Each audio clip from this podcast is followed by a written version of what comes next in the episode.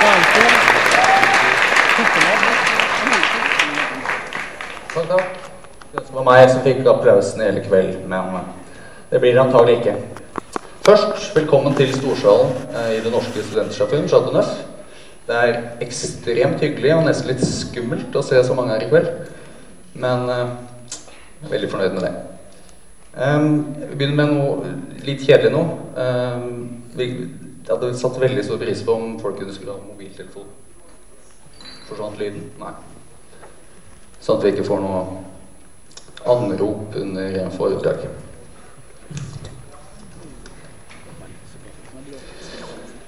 Men uansett Hjertelig velkommen til Upop-aften ved Det Norske Studentersamfunn. Det er litt eh, kanskje litt problematisk å kalle det en upopulær aften når det er 1000 stykker. Og enda flere som venter utenfor. Men eh, det heter nå likevel Upop-aften. Eh, den blir arrangert av Kulturutvalget ved Det Norske Studentsamfunn. Vi arrangerer også debatter hver onsdag, i tillegg til Upop-aften hver mandag. I kveld har vi vært veldig hyggelige. Ikke vært veldig hyggelige, men vært veldig heldige, mener jeg. Eh, vi har også vært veldig hyggelige, så klart, men det ikke relevant. Jeg har i hvert fall, hvert fall vært veldig heldig og fått tak i en av de største samfunnsforskerne som Norge har fostret. Vanligvis når vi får eh, folk på besøk som skal foredrag hos oss, så leser vi gjerne opp litt hva de har gjort, og litt sånn CV-takter. Men da måtte vi antagelig sitte her til i morgen, så det utgår. Isteden så har jeg en kort presentasjon av mannen som skal snakke for oss i omtrent en time. Men før jeg tar den, skal jeg si kort om opplegget vi skal ha i kveld. Galtung skal snakke i omtrent eh, en time. Så tar vi en liten pause på omtrent fem minutter. Klart det blir litt mer hvis alle dere skal ut og kjøpe øl. Men la oss si fem minutter. I pausen så kommer vi til å ha et bord. Det har vi ikke nå. Et bord enten på den siden eller på den siden av scenen med en person som sitter med en liste. Og dit kan dere komme og skrive på en spørsmålsliste. Eller kommentar. Du kan komme med spørsmål eller kommentar. Og etter pausen så vil det da være dere som får muligheten til å enten stille Galtung spørsmål eller uttrykke deres hjertens enighet eller uenighet. Men så til presentasjonen. Johan Galtung, professor i fredsforskning, stifter og meddirektør av Transcend, et nettverk for fred og utvikling. Ta godt imot ham.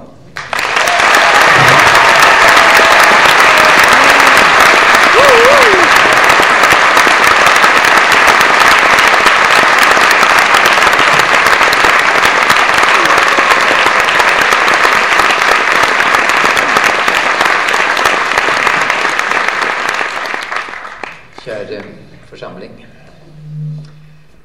Det er jo helt tydelig at det er et behov for å snakke om dette. Og det er også helt tydelig at det foreligger en underernæring som det da forventes at jeg skal gjøre noe med. Og denne lite smigrende innledning fra min side går helt til norske medier, med unntak for en av skal vi si, det internasjonale samfunns beste aviser på dette området. Når det gjelder utenrikspolitikk, så er det utrolig, utrolig triste saker. Så det jeg da skal prøve å navigere forsamlingen gjennom, er fremtiden. Og jeg tenker meg da et perspektiv på en ca. 20 år, og skal prøve å si en del om det. Klokken er nå 17 minutter over syv, og jeg har tenkt å la det amerikanske imperium gå under ca. klokken halv åtte. Grunnen til det er at den eh, forutsigelse som jeg la fram første gang i USA i år 2000. Nemlig at det kom til å gå nedenom i 2025. Men så ble Bush president, så jeg forkortet det med fem år. Jeg tenkte at han ville hjelpe på prosessen atskillig. Den kan jeg da bare si at USA ligger godt foran rundetiden. Det betyr altså at jeg bør ikke vie så mye av foredraget til det. Jeg vil heller vie til de to andre emnene, nemlig hva så, og Norges rolle. La meg bare si ett ord om teorien bak dem. Jeg står altså for tanken om mange faktorer som spiller inn, ikke én enkelt faktor. Nærmere bestemt 15. Jeg skal ikke ramse opp dem. Jeg skal bare si at det er samarbeidet mellom de 15 som gjør at den politiske ledelse i USA vil komme i en situasjon som kan dekkes ganske bra med ordet demoralisering. Du kan altså tenke deg en ledelse som sitter der med 15 problemer, pluss en del som jeg ikke vet om. En del problemer. Og det ser ille ut alt sammen. Og da er det i grunnen bare én utvei i første omgang. Og det er å ha en tilstrekkelig snever horisont, sånn at man bare ser én ting. Eh, Bush har den snevre horisonten. Altså det dreier seg om å vinne i Irak. Det er det eneste han tenker på. For det er klart at slike ting som at i desember i fjor så var det flere euro i omløp enn dollar. For første gang i verdenshistorien etter annen verdenskrig er dollaren slått ut som verdensvaluta. Og at det ene land etter det andre diskré og stille veksler om sine dollarreserver til euro. At det er enkelte land som gjør det åpent og tydelig Iran har nevnt det. Og det er klart at det virker da tiltrekkende på amerikansk maktmisbruk. Det er også klart at hvis man leser public opinion polls rundt omkring i verden, og f.eks. reiser til arabiske land, så finner man US image fades.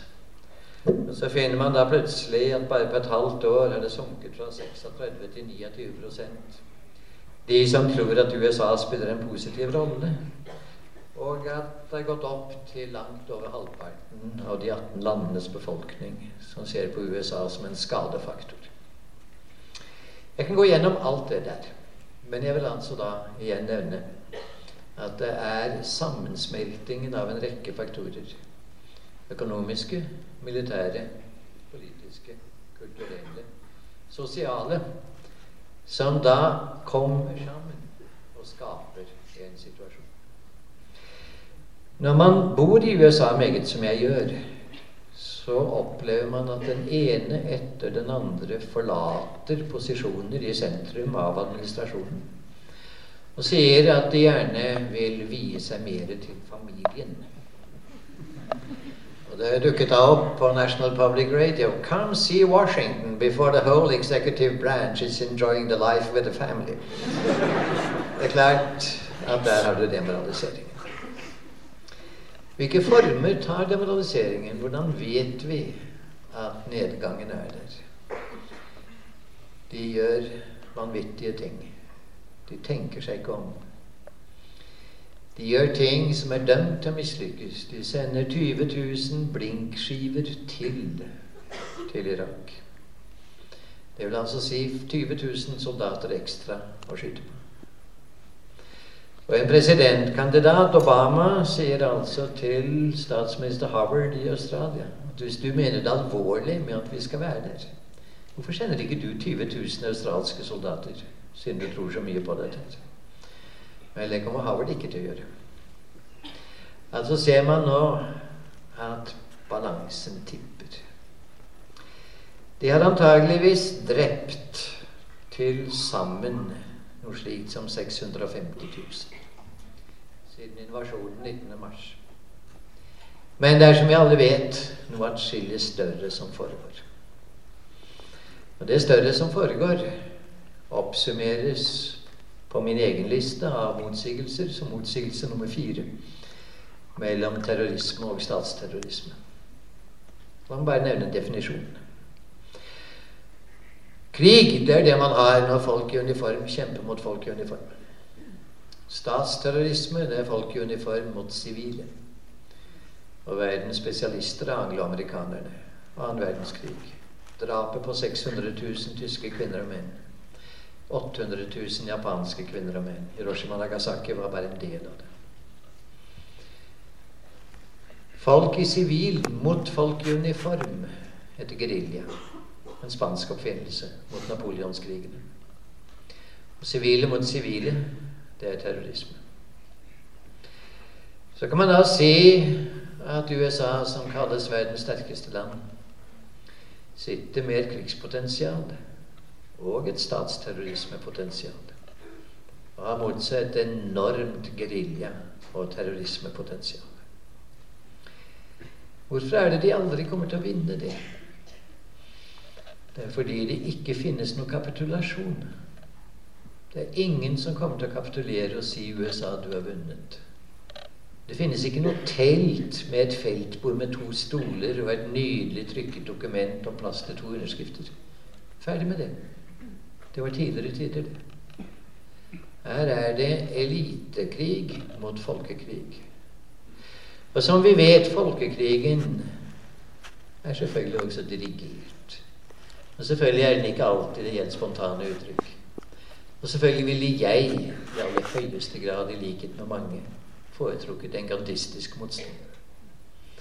Vel, vi har kanskje ikke vært flinke nok til å fremme denne ideen. Jeg tror at hvis Irak hadde valgt den veien, ville de ha vunnet. Og jeg tror at det nå altså kommer den periode hvor Norge må være med på en gandistisk motstand mot USA. Og det kommer jeg tilbake til. Altså, du kan nå gå gjennom ting etter ting. Du kan se på euroens fall. Du kan se på den stigende kløft mellom fattig og rik. Du kan se på forsøplingen, smusset, på global oppheting, på peak oil og på USAs helt utrolige manglende evne til å tilpasse seg den utviklingen. Kan du da si at ja, dette er ikke bare USA, dette er kapitalismen, dette er rovdriften?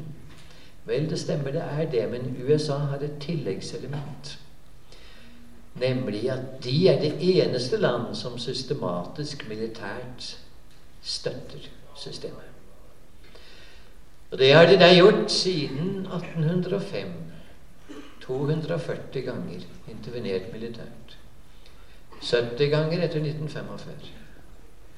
Og det antallet drap de har gjort seg skyldig i, ligger et eller annet sted mellom 13 og 17 millioner. Det er Pentagon. Det er overt killing. Så kommer den fordekte CIAs. Den var i 1987, etter 40 års jobbing på det, estimert til 6 millioner. Så kommer den enorme strukturelle vold. 125 000 som dør hver dag. Og som sagt, det er ikke bare USA som har skylden for det.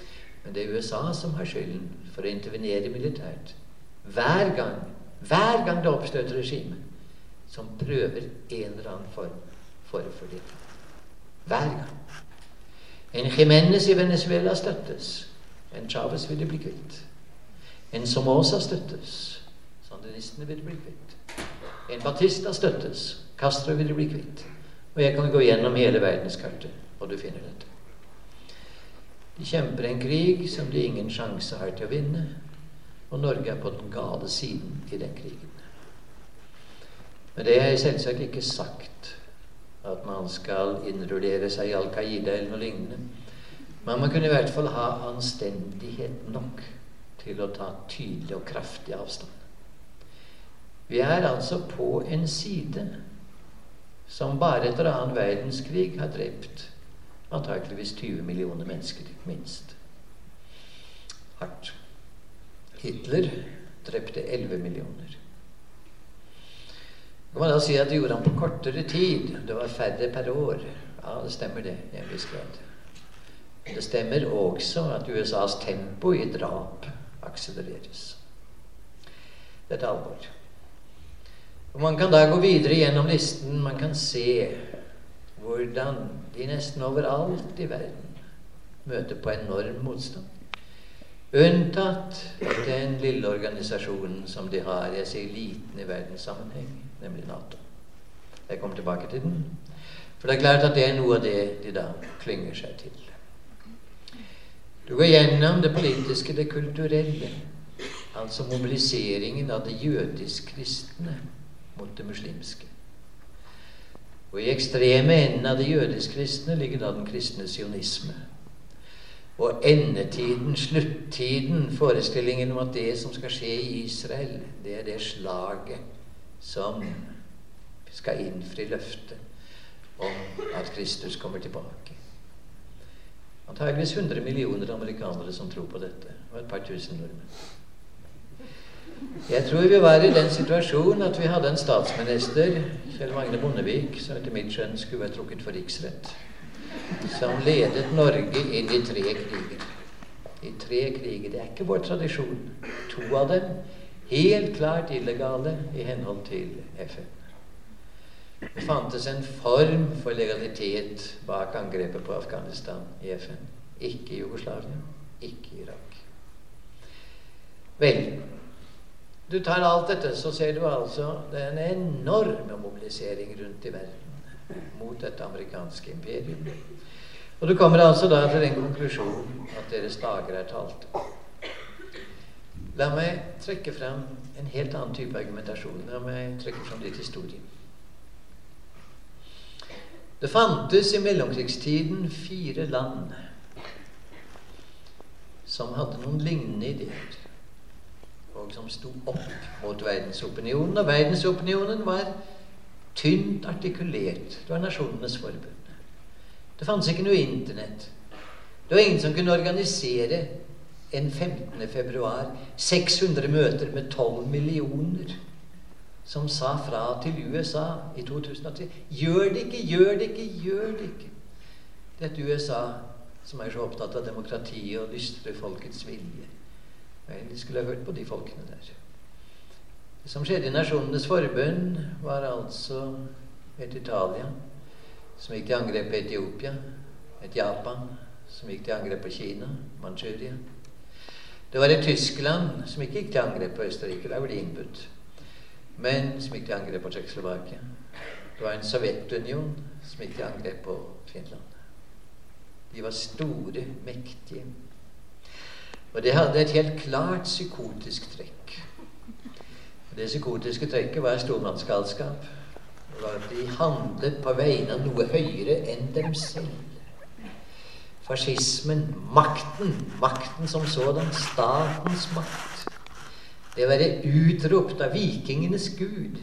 Det er vi som har skylden for noe av det, faktisk, når det gjelder nazistene. Det å tro at Solgudinnen står attåt og har velsignet angrepet. Japans galskap. Og tanken på at vi har historien på vår side. Historien med stor H. Sovjets galskap. Hele denne stormannsgalskap øste seg der utover i ulykke og nød i de land de angrep. Og de ble ekskludert av Nasjonenes forbund. De fikk sanksjoner mot seg som ikke hjalp noen ting. Og hva skjedde med dem?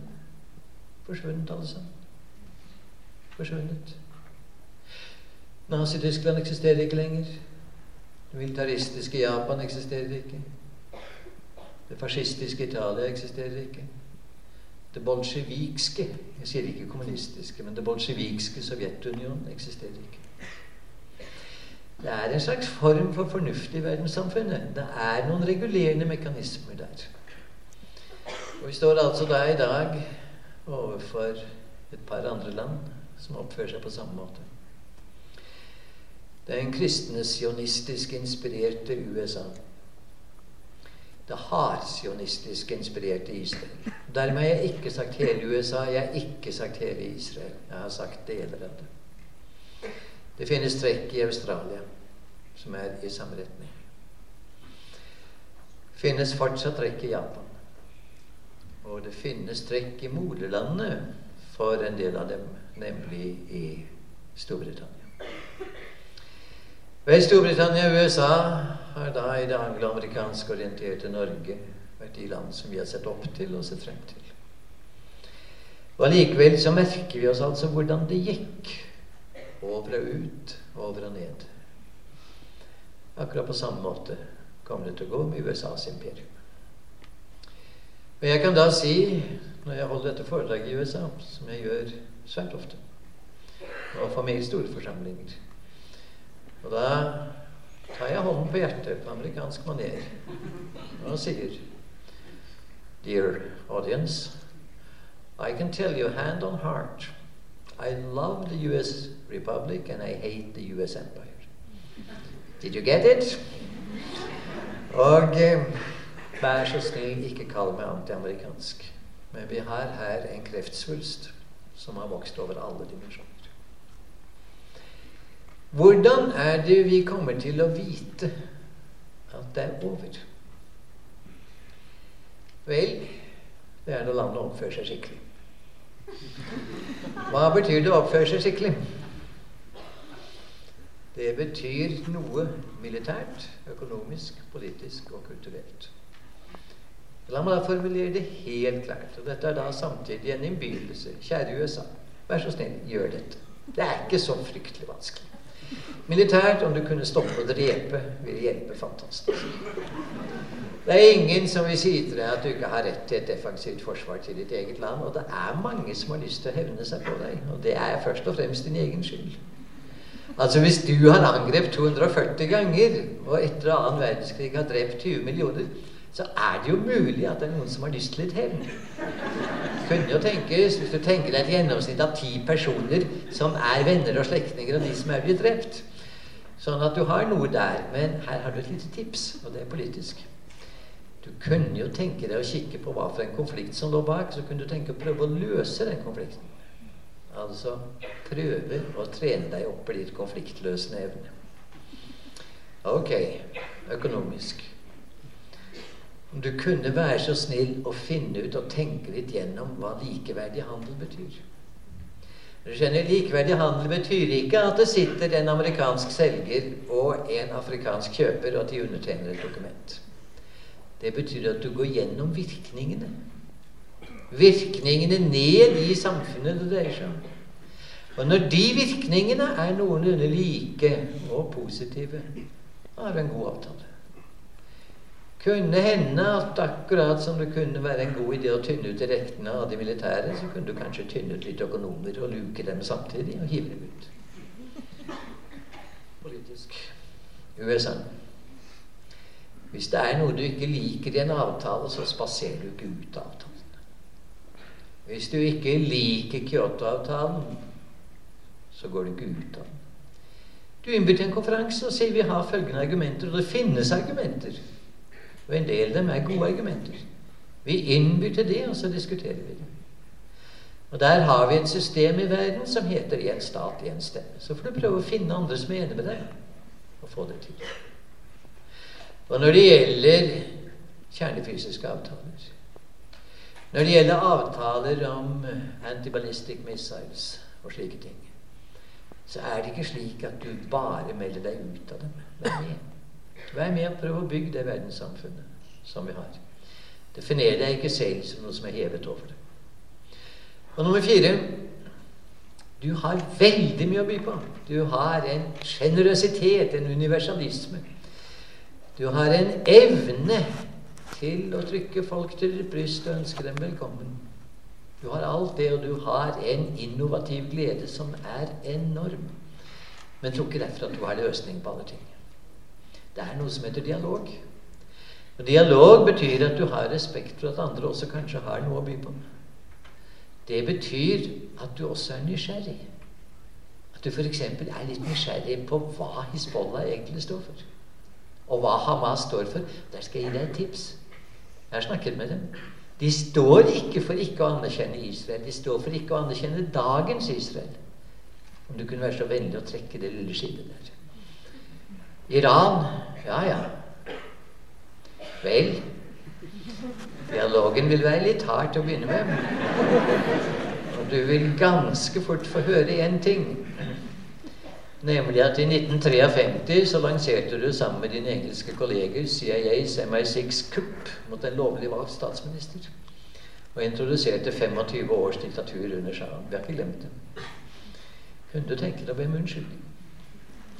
Kunne du tenke deg Du behøver ikke engang å si ordet 'unnskyld'. Du kan gjøre det på den norske måten og si at det, der jeg gjorde der, var litt dumt, altså. Så kan du uttale det på norsk 'unnsla'. Og det staves U-N-S-J-L-A. Unnsla. Og hvis da iranerne er i godt humør, så vil de svare på norsk og si 'greit'. altså bruke norsk veltalenhet på sitt beste. Jeg tror jeg kan si at hvis du gjorde det du sa, så vil du bli støttet av Sura 8 kolon 61 i Koranen, som du selvfølgelig kjenner til, men bare for å minne deg om det, så står det altså der at når din motpart viser en helning, retning, fred, så skal du gjøre det samme.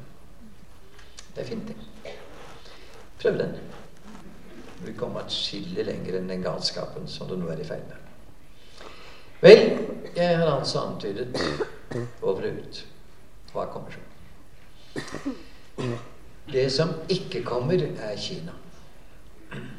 Hvorfor sier alle Kina? Det er en gammel engelsk uvane.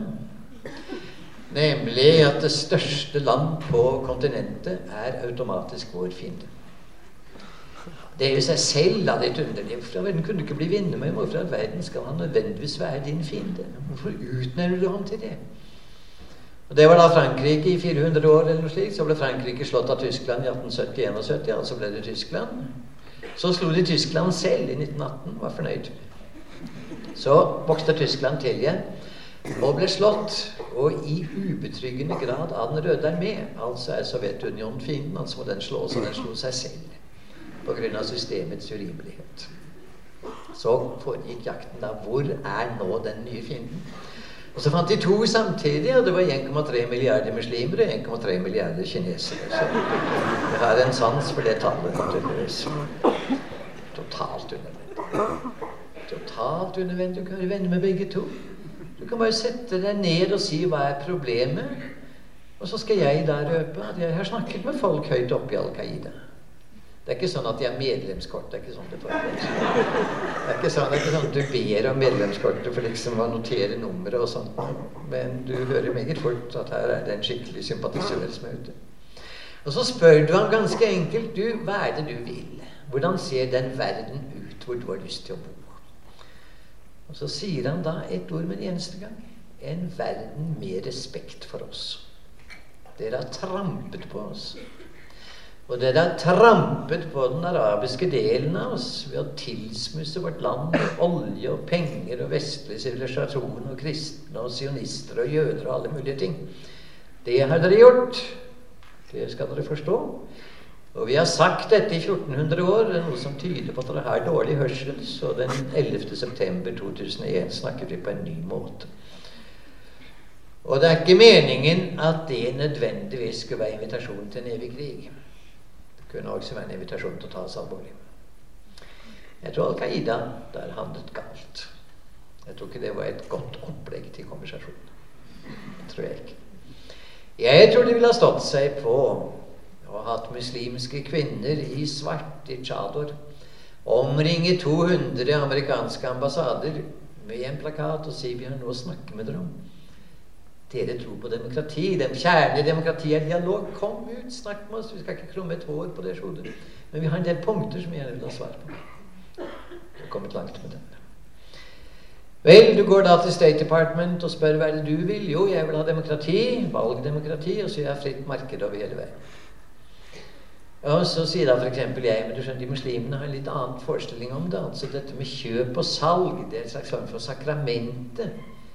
Selger og kjøper skal møte hverandre, drikke te, utveksle bilder av familien og fødselsdatoer og sånt. Det tar veldig lang tid. Og eh, alt dette her er en annen måte å se på det på. Det er ikke dette med renter, det er ikke det viktigste i den muslimske oppfatning av økonomi. Men noe av det jeg sa da. Kunne du tenke deg å sitte ned med dem og snakke om det? Hvordan bygger vi opp et supermarked for å få til det, f.eks.? Hvordan gjør vi det? Altså sånn assembly line hvor varer flyter i den ene retningen, og så er det kredittkort og noe penger på tvers av varefluten, og ikke engang øyekontakt. Det er fra et muslimsk synspunkt noe av det verste som kan tenkes. En dyp menneskeliv. Vel, jeg ligger nå da, kan man si, på et plan som er amerikansk tenkemåte fullstendig fremmed. Og det er klart at Hvis du blokkerer deg for dialog, så vil du aldri høre det. Altså, vær så snill kom frem. Med andre ord jeg tror ikke på den kinesiske overtakelse. Jeg tror heller ikke på den muslimske. Jeg tror ikke det er det de ønsker. Jeg tror begge parter ønsker respekt og likestilling. Jeg skal si litt mer om Kina. Kinas bilde av verden er ikke av de beste. Det er midtens rike, dem selv. Et sted mellom jorden og himmelen, altså på en slags plattform et eller annet sted. Omgitt av fire typer barbarer. Nordbarbarer, østbarbarer, sydbarbarer og vestbarbarer. Konfutsius og meget av dette er der fortsatt. I løpet av de, la oss si, 200 år, fra 1805 til 2007, med 240 invasjoner for USA Hvor mange invasjoner har Kina hatt? Én. Det var da de ble angrepet i India, av India høsten 62, så gjorde de noe de kalte en pedagogisk øvelse. Nemlig en rask framflytning til Calcutta og tilbake. Som altså da tyder på at det lå under Undervisningsdepartementet. Eh, det gjorde inntrykk. Det gjorde sterkt inntrykk. Så kan man da si ja, men de har gjort jævlige ting overfor tibetanere, overfor muslimer av tyrkisk opprinnelse i Xinjiang. I Indre Mongolia. Har behandlet, behandlet Taiwan ille. Og de har utøvd stort press på Korea og Vietnam. Det stemmer alt sammen. Hvis man skal lage den tilsvarende liste for de 300 indianske nasjoner som ikke finnes lenger i USA, så kan man gjerne balansere udåd mot udåd. Men jeg vil legge vekten på 240 mot 1 som nokså viktig. Mange ganger er Kina blitt invitert til dette tidsrommet er blitt invadert. Kan si ti-tolv. Til dels ganske kraftig. Jeg tror Kina har en annen logikk. Det er ikke den vestlige. De kommer til å kjøpe opp halve verden. De har noe over 1 trillion med amerikansk tellemat i valutareserver. USA har 41 milliarder, som er temmelig lite i forhold. Sterkt innskrumpende. Eh, vi kommer til å høre fra dem. Vi kommer til å se dem. Jeg tror ikke det er militære intervensjoner som står på deres program. Dertil tror jeg at det er noe ganske annet som er i ferd med å skje i verden. Jeg vil da si følgende Det er delvis globalisering, og det er regionalisering. Så la oss nå hekte oss på det hvert øyeblikk. Jeg tror det oppstår syv regioner. Og det er ikke uproblematisk, det bildet som oppstår. Det er ikke slik at hvis man blir kvitt USAs imperium, så har man en fredelig verden automatisk.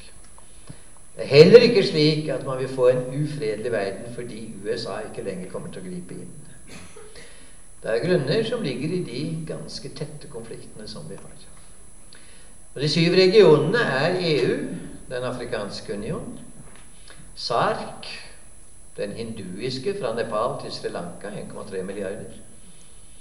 ASEAN, ti land pluss tre ekstra. Sørøst-Asia. Så er det tre nye som er under emning. Og det er SCO, Shanghai Corporation Organization, som kineserne bygger opp. Som i en viss forstand er Warszawa-organisasjonen flyttet et par tusen kilometer østover, men atskillig større. Den har for tiden seks medlemmer og tre observatører. To av medlemmene og en av observatørene er 40% av menneskeheten. Det er Russland, Kina og India. Og Den vestlige presse skriver ikke om det, for de vet ikke hvordan de skal håndtere det. Det er en organisasjon som sier tydelig fra her er vi, og vi skal ikke krenkes. Pakistan er observatør, Iran er observatør. Den er kraftig. Så kommer den kommende organisasjon av de latinamerikanske stater. Den hadde et gjennombruddsmøte i La Paz for et par uker siden, hvor de da møttes. Og altså arbeider seg fremover mot en felles valuta, en felles hær. Et økonomisk fellesmarked for hele området med utgangspunkt i Mercosur, som da kommer til å bre seg. Så jobber de med en ny økonomisk teori som er basert på å fremme fundamentalbehovet. Det der med å betale for øyeoperasjoner med olje, det er ganske smart. Så kan man da si at Chávez er en klovn, og jeg føler meg ulykkelig over den lovendringen han har med tredje periode. Jeg ser det messianske i ham, og jeg tror ikke det kommer til å gå så bra for ham personlig. Men det han står for, fundamentale behov, og å reise befolkningen. Beundrer. Altså har man her å gjøre med en kraft. En voldsom kraft. Så kommer da den siste. Enten folk liker det eller ikke. Det kommer til å komme en organisasjon av islamske stater.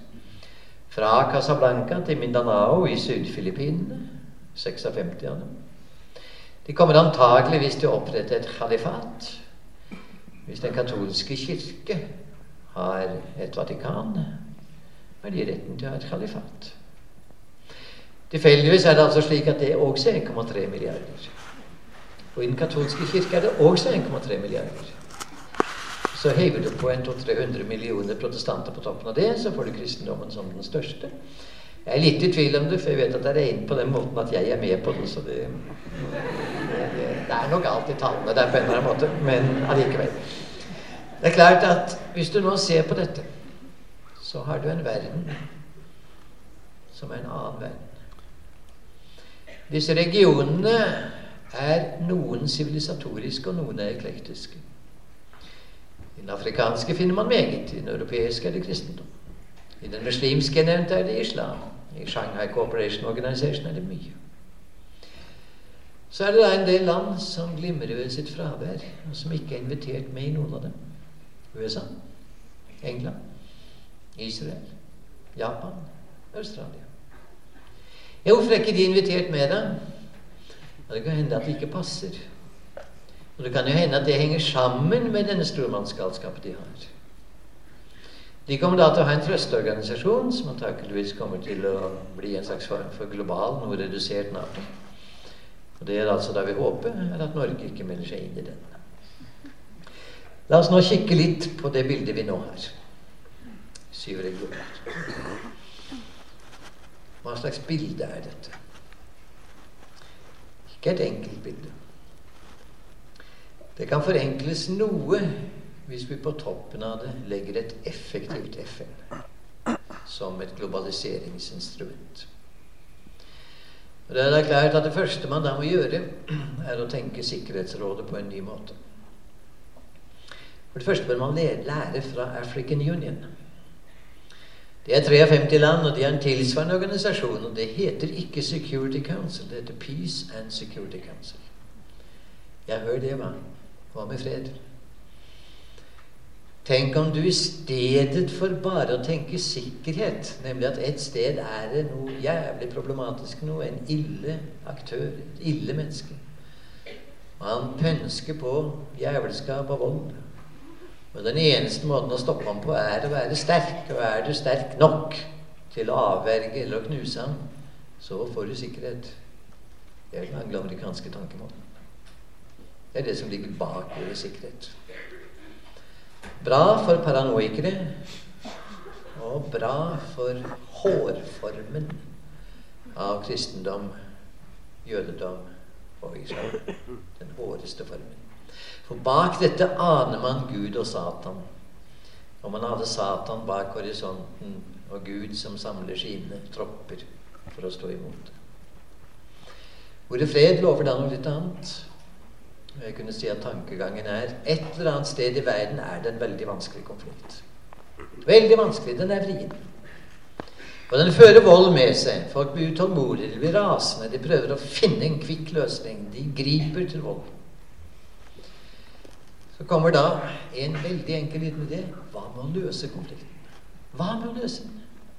Og Hvis du løser den på en fornuftig måte, kan du få fred skal jeg et eksempel på en fornuftig løsning. To franske herrer, Monet Schumann, som sa Nazi-Tyskland Tyskland har oppført seg så forferdelig at de må bli medlem av familien. De hadde det lille problem at det fantes ikke noe familie. Fantes ikke noe europeisk fellesskap. Det var makter som hadde bekjempet hverandre i alle år. Men på en eller annen måte var blitt samlet gjennom den annen verdenskrig. Så laget de det. da. Det ble en enestående suksess. Dermed har jeg ikke på noen måte sagt at alt ved EU er en suksess. Jeg har bare sagt at det var en suksess. Den der gleder jeg. Så er det en del av oss som tar den ideen der og sier som så Hva med å prøve den på Midtøsten? Hva med å løse konflikten? Hva må løse den? Ikke bare se på arabere og palestinere som et sikkerhetsproblem. Eller det motsatte. Se på Israel som et sikkerhetsproblem. Så kunne man da si f.eks. du, Israel. Det er én idé som du grunnen bør gi opp. Og det er den som står i Jesaja, 2. kapittel, 1-9. Og Freden bare minner forsamlingen om hva som står i Jesaja, 2. kapittel 1-9. Så står det altså der veldig tydelig at løve og lam skal legge seg ned og gresse sammen i solskinnet. Og sverd skal støpes om til plogjern. Alle kan de setningene der. De er veldig fine. Men de leser ikke de setningene som står foran. Nemlig under hvilke betingelser dette skal skje. Dette kommer nemlig til å skje den dagen når Israel hersker over dem alle sammen og skifter mellom rett og urett og stifter fred mellom dem. Inspirert av fredsfyrsten David, som igjen er inspirert av den evige der oppe. Bare slå det opp i Jesajas 2, du finner det alt sammen. Kan altså jeg da si at du viser at den der går ikke. Det er det amerikanerne kaller en non-starter. Jeg skjønner hva du gjør. Jeg skjønner hva du gjør. Du prøver å få marionettregjeringer i alle de fem nabolandene, sånn at du kan skifte mellom rett og urett. Og så kan de legge, legge seg ned og gresse sammen. Hva nå det vil bety. Døffet. Døffet. Ingen sjanse. Så kunne jeg da si at jeg er ikke så sikker på tostatsløsningen heller. Sett at du har den. Palestina er anerkjent helt etter FNs regler i internasjonal rett. Alt i orden. 4. juni 1967. Men det du har da, er et lite Palestina og et sterkt Israel. Og fred i Europa var ikke basert på en avtale mellom Tyskland og Luxembourg. Dertil har du et problem til. Nemlig at Israel har fem grenseland. Palestina var ett av dem. Det er også Libanon, Syria, Jordan og Egypt. Du, kjære Israel, hvis du vil fred, hvis du vil sikkerhet, så finnes det en sikkerhet. Hva med å ha fred med de landene? Hva med et Midtøstens fellesskap? Hvor du altså ganske enkelt sier vi er historisk og geografisk dømt til å leve sammen. Det stemmer at Europa har ikke kommet med noe forslag, for de får ikke lov til det av USA. Men kanskje Europa er forslaget. At det kanskje er grunn til å lære noe der. Et Midtøstens fellesskap. Med åpne grenser, et mindre Israel. Men med sjansen til å reise, til å handle, ikke til å bosette seg, ikke til å investere. Litt ferdig, det kan komme senere. Reise og handle. Og jeg tror jeg kan komme med en liten forutsigelse. Etter ett år vil du bli vant til å ta det som en selvfølge. Det er mye å lære av hvordan europeerne gjorde i sin tid. Vi har nå tatt forsamlingen med på en liten tur, nemlig konfliktløsningsturen. Og det jeg altså sier da, er selvfølgelig vi trenger litt mer ferdighet på det punktet, og litt mindre sikkerhetsferdighet. Vi kan ta forsamlingen med på en annen. en. Vi har syv regioner. Vi har 1,3 milliarder hinduer fra Nepal til Sri Lanka. Det er en del annet på veien også. 1,3 milliarder muslimer fra Casablanca til Mindanao. Kikk på kartet. De krysser hverandre. Ser ikke bra ut. Jeg gir det ofte som øvelse rundt i verden. Vær så snill å løse den der der. Kom med fem forslag. I India er min erfaring at folk blir helt matte ved tanken på problemet.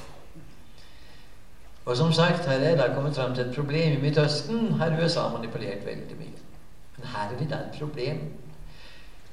Og eh, jeg kunne si at det er hardt for meg å tilstå det, men jeg må tilstå at her har faktisk ikke USA skylden.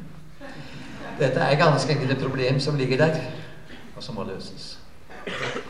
I det problemet ligger en lunte som heter Kashmir. Hvis den lunten der fortsetter å brenne Og det går som altså jeg da forutser, nemlig at det blir disse regionene, så kan det bli ganske hardt. Altså må det løses for sin egen skyld. Så tar forsamlingen med på en sånn liten konfliktløsningstur igjen. Og jeg sier det som jeg sa i Nidelli for en uke siden, på en Gandhi 100-årsjubileumkonferanse. Den 11. september 1906 innførte Gandhi begrepet satyagraha. Holde fast ved den ikke-voldelige sannhet han trodde på. Og mitt forslag var at India og Pakistan godtar den såkalte line of control. De godtar som et faktum. At Azad Kashmir går til Pakistan. Jammu og Ladakh, hinduisk og buddhistisk, går til India. Og at den såkalte Valley blir et indisk-pakistansk kondominium. Hvor de da får prøve sammen å befordre dette fantastiske områdets reise henimot autonomi. Og så syr du alt dette sammen med åpne grenser, en konfederasjon av autonome områder. Og du får Islamabad til å gi Assad Kashmir den friheten som gjør det mulig å gjøre det, og New Delhi til å gi Jammu og, og Ladakh den tilsvarende friheten. Og alle de som bor der, får da et pass hvor det står Indian Union, Union of India, Kashmir. Islamic Republic of Pakistan, Kashmir. Med andre ord, du endrer typografien på et pass snarere enn å endre grenser. Koster mindre. I tillegg til det, hvis du prøver å puffe på en grense, skal du se hvordan det går. Da mobiliserer du de militære på begge sider. Altså Det å puffe på grenser er erfaringsmessig ikke så veldig lurt. Altså finner du en grenseoverskridende løsning. Vel, det ble litt panikk i den store møtesalen i Delhi da jeg la fram dette her. Og eh, det var da, som det ble sagt i en artikkel i en avis, så kom det et brannkorps fra regjeringen for å fortelle journalister Indias utmerkede linje. India, din linje er ikke god nok. Og grunnen til at den ikke er god nok, at du ser på det som et problem mellom deg og Pakistan, og du glemmer Kashmir. Du glemmer millioner som har sitt hjerte forankret der, og som har retten til å ha sitt. Men det er ikke dermed sikkert at et uavhengig 1900-talls Kashmir er løsningen. Det kan hende at vi er kommet litt videre. Og at derfor dette liksom å se seg om og prøve å finne løsninger blir fryktelig viktig. Jeg har også sagt at vi går inn i en regional verden, og jeg vil gjerne si to grunner til det. Hver region er en beskyttelsesmekanisme mot det amerikanske imperiet. Hver eneste en av dem er et forsøk på å si til USA Hold dere militært unna. Hold dere beskjedne. Samtidig ligger det i hver region et nei til FN.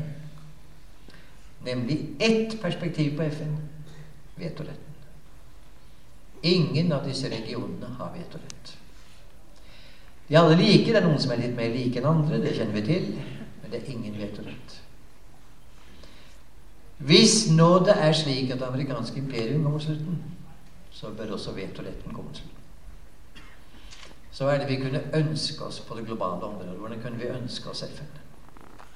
Vel, jeg vil nevne tre ting. Det ene er utvidelse av Freds- og sikkerhetsrådet til 54 medlemmer. Det samme som Det økonomiske og sosiale råd, som for øvrig i Afrika kalles Det kulturelle økonomiske og sosiale råd. Der er Afrika. Freds- og sikkerhetsråd til 54 medlemmer. Representativt for hele verden, og naturligvis representativt for alle disse regionene.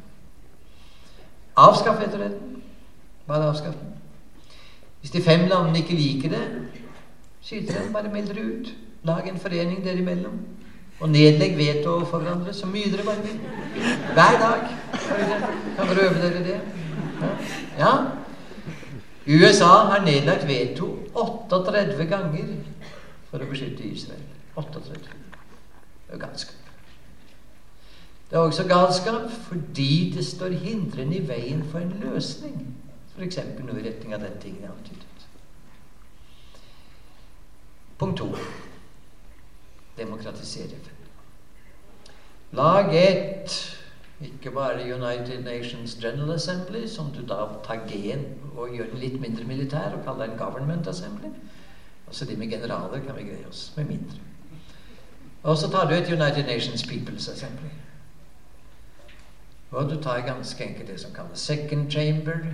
Forskjellige navn på det. Det var valg i hele verden til representanter. Og alle land har rett til å sende meg inn med min representant, og så mange som de har millioner til. Og som jeg da pleier å si, altså fire og en halv nordmann. Ni svensker. Litt mye, men vi kan greie det. Testen kommer med de 1300 kineserne. Det er da ditt demokratiske sinnelag stilles på prøve. Og så kan du da si betingelsen er frie og hemmelige valg. Ikke oppnevnt av partiet. Jeg tror det systemet kunne virke. I det systemet vil det altså være 5% amerikanere. Det vil være 16 fra Vesten, 22 hvite. 22 hvite. Grunn til litt beskjedenhet, kanskje. At det er noen som ikke kan ta det, det vet vi. Og de får da holde seg unna en stund. Og så vil det være sånne stoler hvor navnene deres står, at de kan komme når de er rede til å være medlemmer av et demokrati. Det vil altså være noe nytt og spennende.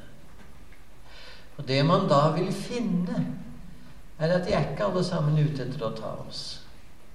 De er f.eks. ute etter respekt. Og at den respekten uttrykkes nøyaktig på den måten.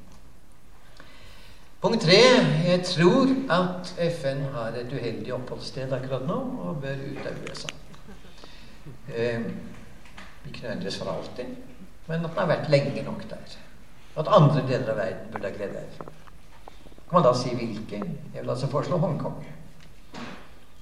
Hongkong som en del av verdens mest dynamiske region.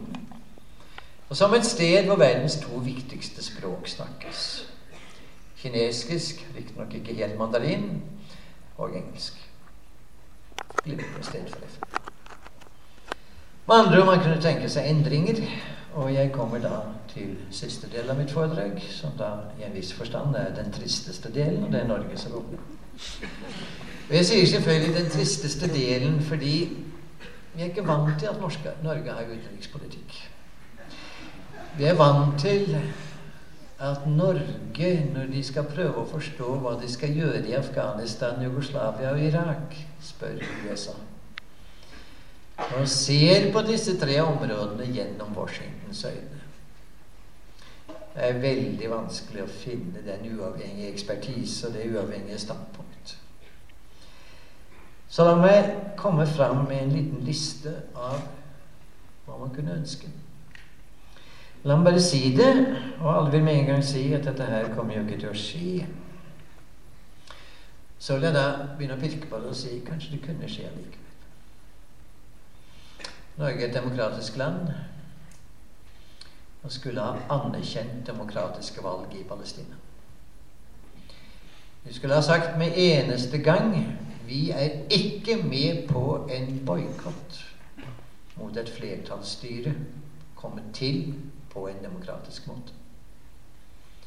Vi er ikke med på dette. Vi åpner forhandlinger. Vi tar kontakt. Og Det skal ikke være forhandlinger med en eller annen tjenestemann. skal forhandling på toppnivå. Sender de statsminister, møter han vår statsminister. Sender de utenriksminister, møter han vår. Forhandlinger. Vi har ikke dermed sagt at vi er enige med dere i alt. Det har vi ikke på noen måte sagt. Men vår respekt for demokrati gir seg uttrykk i nettopp at vi respekterer demokrati. Norges handling var unnfallende, slapp, lydig. En pistrende liten loggerhund. En skam.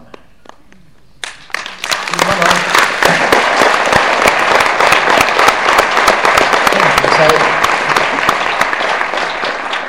follow-up på dette. At Norge ganske enkelt anerkjenner Palestina. Ikke de grenser de har i dag, men anerkjenner ett Palestina. Så inngår de forhandlinger for å antyde hvordan dette ett Palestina ser ut som man anerkjenner. Og jeg vil si at dette ett Palestina har da tre umistelige trekk. Punkt én en statsdannelse med en rett til å drive sin egen stat, og det ville da innebære et defensivt forsvar. Jeg vil altså argumentere for sterk opptrening i ikke-vold, en defensiv militia. Punkt to. Det innebærer selvfølgelig Øst-Jerusalem som hovedstad. Og punkt tre det innebærer retten til å komme tilbake. Og ettersom det området de var drevet ut av til glade var i Israel, bør Israel overveie muligheten av å opprette to kantoner i Israel for palestinere. Og Palestina burde overveie muligheten for å opprette to kantoner for jøder på Vestbredden. Og så bytter man to kantoner med to kantoner. Det var hardt for begge. Men du må altså da ganske enkelt i Israel erkjenne at det var her de var hjemme. Og Palestina, du må også erkjenne at jøder har en tilknytning til de områdene som er sterke. Det dreier seg om visse områder.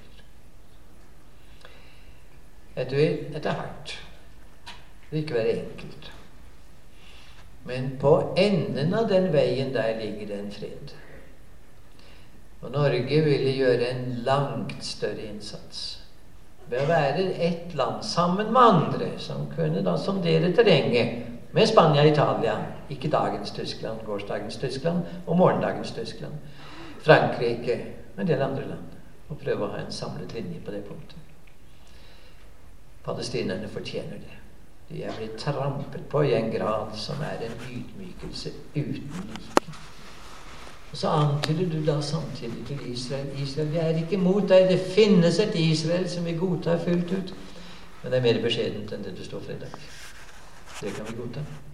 Så tror jeg det ville være en god idé om du kunne se deg selv som en del av et fellesskap. Stikke fingeren i jorda, kikke litt på kartet og se hvor du er. Du er i Midtøsten. Så sier vi da til de arabiske landene, dere muslimske Det er ingenting som hindrer dere i å være medlem av Midtøstens fellesskap. Og samtidig i en umma, et muslimsk fellesskap, en organisasjon av the Islamic Community. Det er ingenting som ville forhindre Israel til å ha en meget tett relasjon til det europeiske fellesskapet.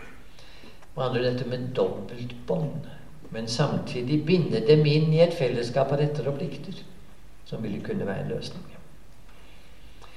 Norge kunne ta et skritt. Norges track record er ikke særlig god.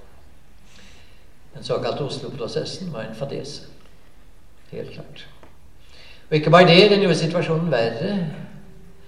Og den kostet la oss si en halv milliard året i ti år. Fem milliarder kroner. Mye penger det for å gjøre situasjonen verre. Skal bare nevne én feil de gjorde. Bare én. Jeg har en ganske lang liste, men én kan greie seg. Å tro at du kan få fred i et område ved å bringe to parter sammen. Altså Arbeiderpartiet på den ene side og utelukkelig Likud, de ortodokse. Og så på den annen side ta PLO og utelukke Hamas. Tror at du kan få til det. Utelukke 60% av befolkningen. Og så skape det som da skjedde. Jaha, så vi er ikke blitt invitert. Du skal få høre fra oss. Vel, den ene part drepte statsministeren, den andre part begynte med selvmordsbombing. Og så går de jaggu meg i Sri Lanka og gjør akkurat samme feil en gang til. Der hvor de skulle tatt kontakt med fire eller kanskje syv parter, tar de kontakt med to. Og greier da å få til det nesten utrolige, nemlig at det oppstår på begge parter oppstår det motfløyer som gjør sitt beste for å torpedere ethvert forsøk.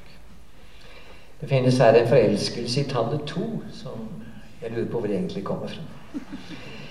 Dette er da ting som man kunne ønske seg. Man kunne spørre seg er det sannsynlig at et Danmark-Norge som satset på Napoleon Ikke så veldig klokt. Og et Danmark-Norge som satset på USA ikke så veldig klokt. Så har du et Sverige som ikke satset på Napoleon, og fikk Norge som premie. Så har du da et Sverige som ikke satset på USA. Skal vi se hvilken premie de prøver å få nå. Og jeg lurer på altså, Hva er det som forklarer at Sverige på sett og vis satset riktig, og ikke vi? Kunne det være at svensker er mer intelligente? Det er en tese jeg ikke kan greie å ta i Det er en helt utålelig tese. Jeg tror da å bruke et ord som jeg har hørt et par ganger tror det ligger i at svensker er mer arrogante. Og derfor ikke lar seg så lett bedøve og inspirere av det som glitrer. Og kanskje ha litt mer perspektiv. Altså et Norge som gjorde det som jeg nå antyder. Vil, de vil få Siv Jensen mot seg, tror jeg. Jeg har mistanke om det. Og at det vil bli mye brøl og skrik. Og det vil bli mye man får høre. Et slikt Norge ville bli beundret. Og kunne du tenke deg et Norge som en dag kalte den amerikanske ambassadør inn på teppet, og så ham i hvitøyet og sa 'Du, ambassadør, nå skal du høre. Hva er et problem?' Jeg er medlem av en forening, du og jeg, som heter Nato. Og det minner meg litt om en sånn avholdsforening hvor formannen lider av drukkenskap kronisk.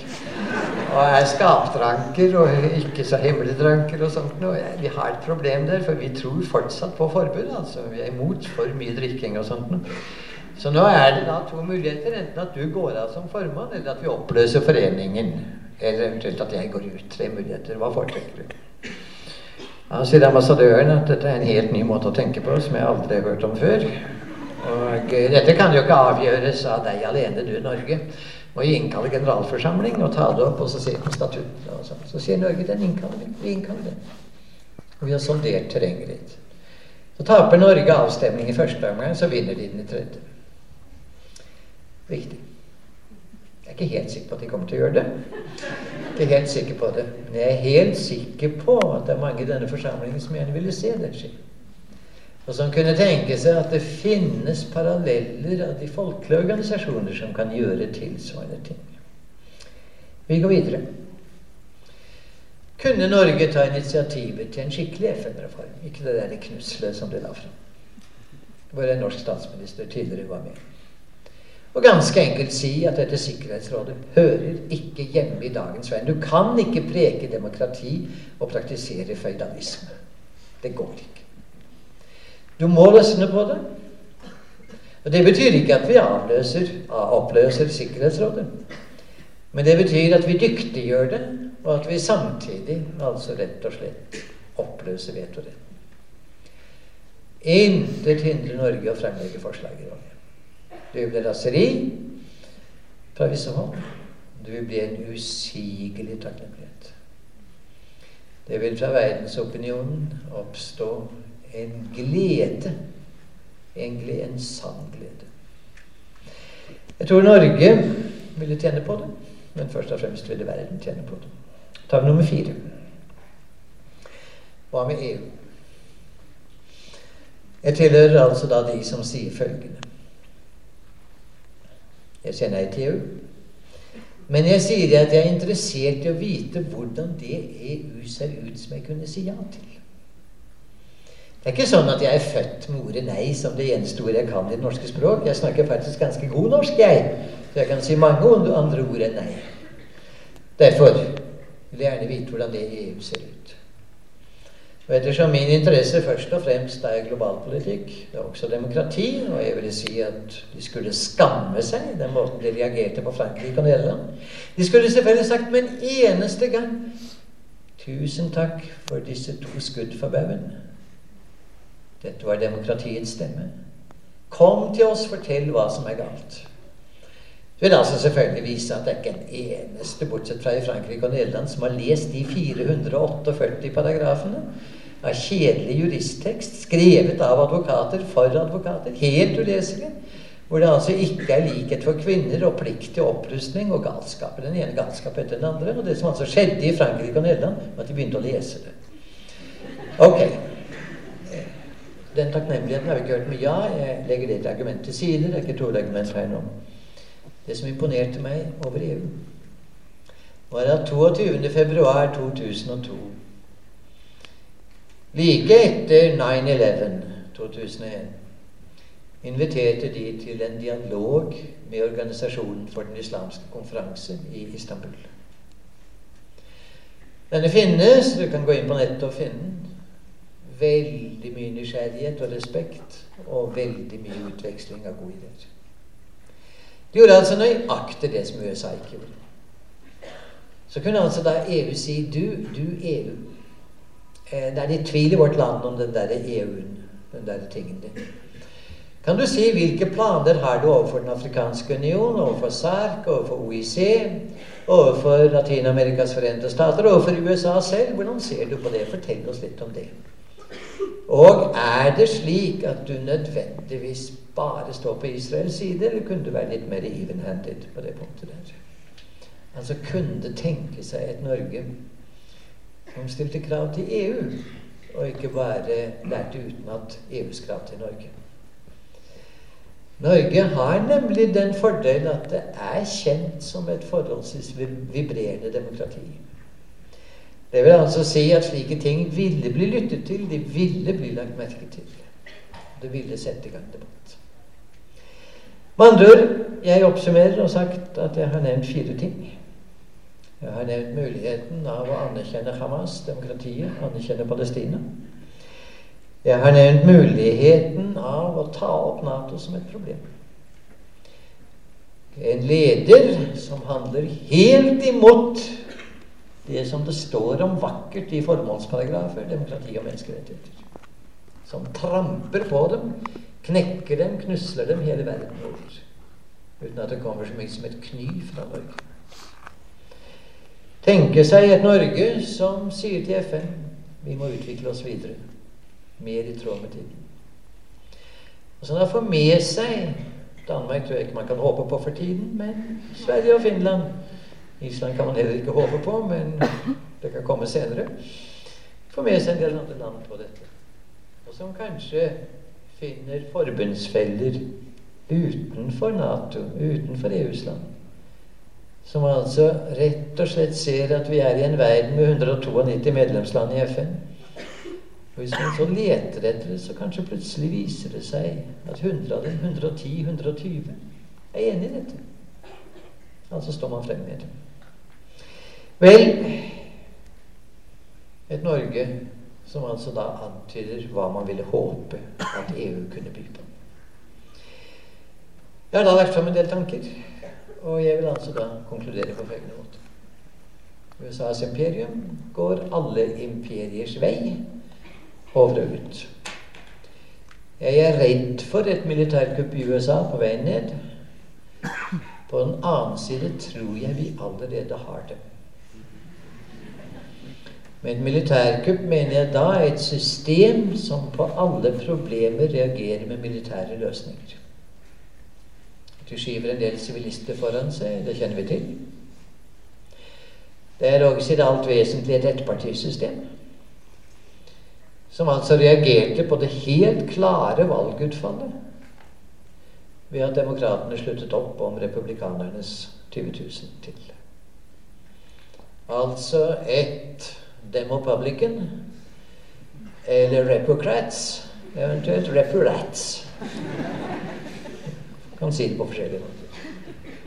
Et tvilsomt system. Jeg tror det første land som kommer til å vinne med det amerikanske imperiums undergang, er USA selv. Og Jeg tror det kommer til å skje tidligere enn jeg har antydet. Jeg har altså hatt som ytterste grense 24.10.2020 fordi det er min 90-årsdag, og fordi jeg gjerne vil feire det. Så altså hele, hele forsamlingen er med. Kan man si litt egosentrisk måte å komme med på, men jeg kan altså da føye til det også FNs dag. Eneste forskjellen er at jeg er i bedre helse for tiden enn FN, men det, det kan snike. Det er klart at hvis du ser på det slik, så tror jeg endringen i USA kommer til å komme den dag amerikanerne selv opplever at dette imperiet trenger vi ikke. Det er en albatross rundt halsen som trekker oss ned, og vi kan gjøre det bedre uten. Og at de der fire tingene med å stoppe og drepe, likeverdig handel, ikke manipulere folk politisk, men delta i forhandlinger og ha dialog, er i grunnen rimelig. Og at i nærsamfunnet i USA gjør vi masse av det, og det er mange av oss som er ganske flinke til det. Det der kan USA få til. Så oppstår altså regioner, og det oppstår problemer. Disse problemene kan til dels løses ved litt mer skikkelig konflikthåndtering. Jeg antydet et par eksempler. I dette kunne man da tenke seg at det folkeopplyste Norge, som er det land i verden hvor det er best å bo, kunne gå ut av sin nåværende nokså amatørmessige fredsrolle og spille en viktigere en. Takk for, takk for.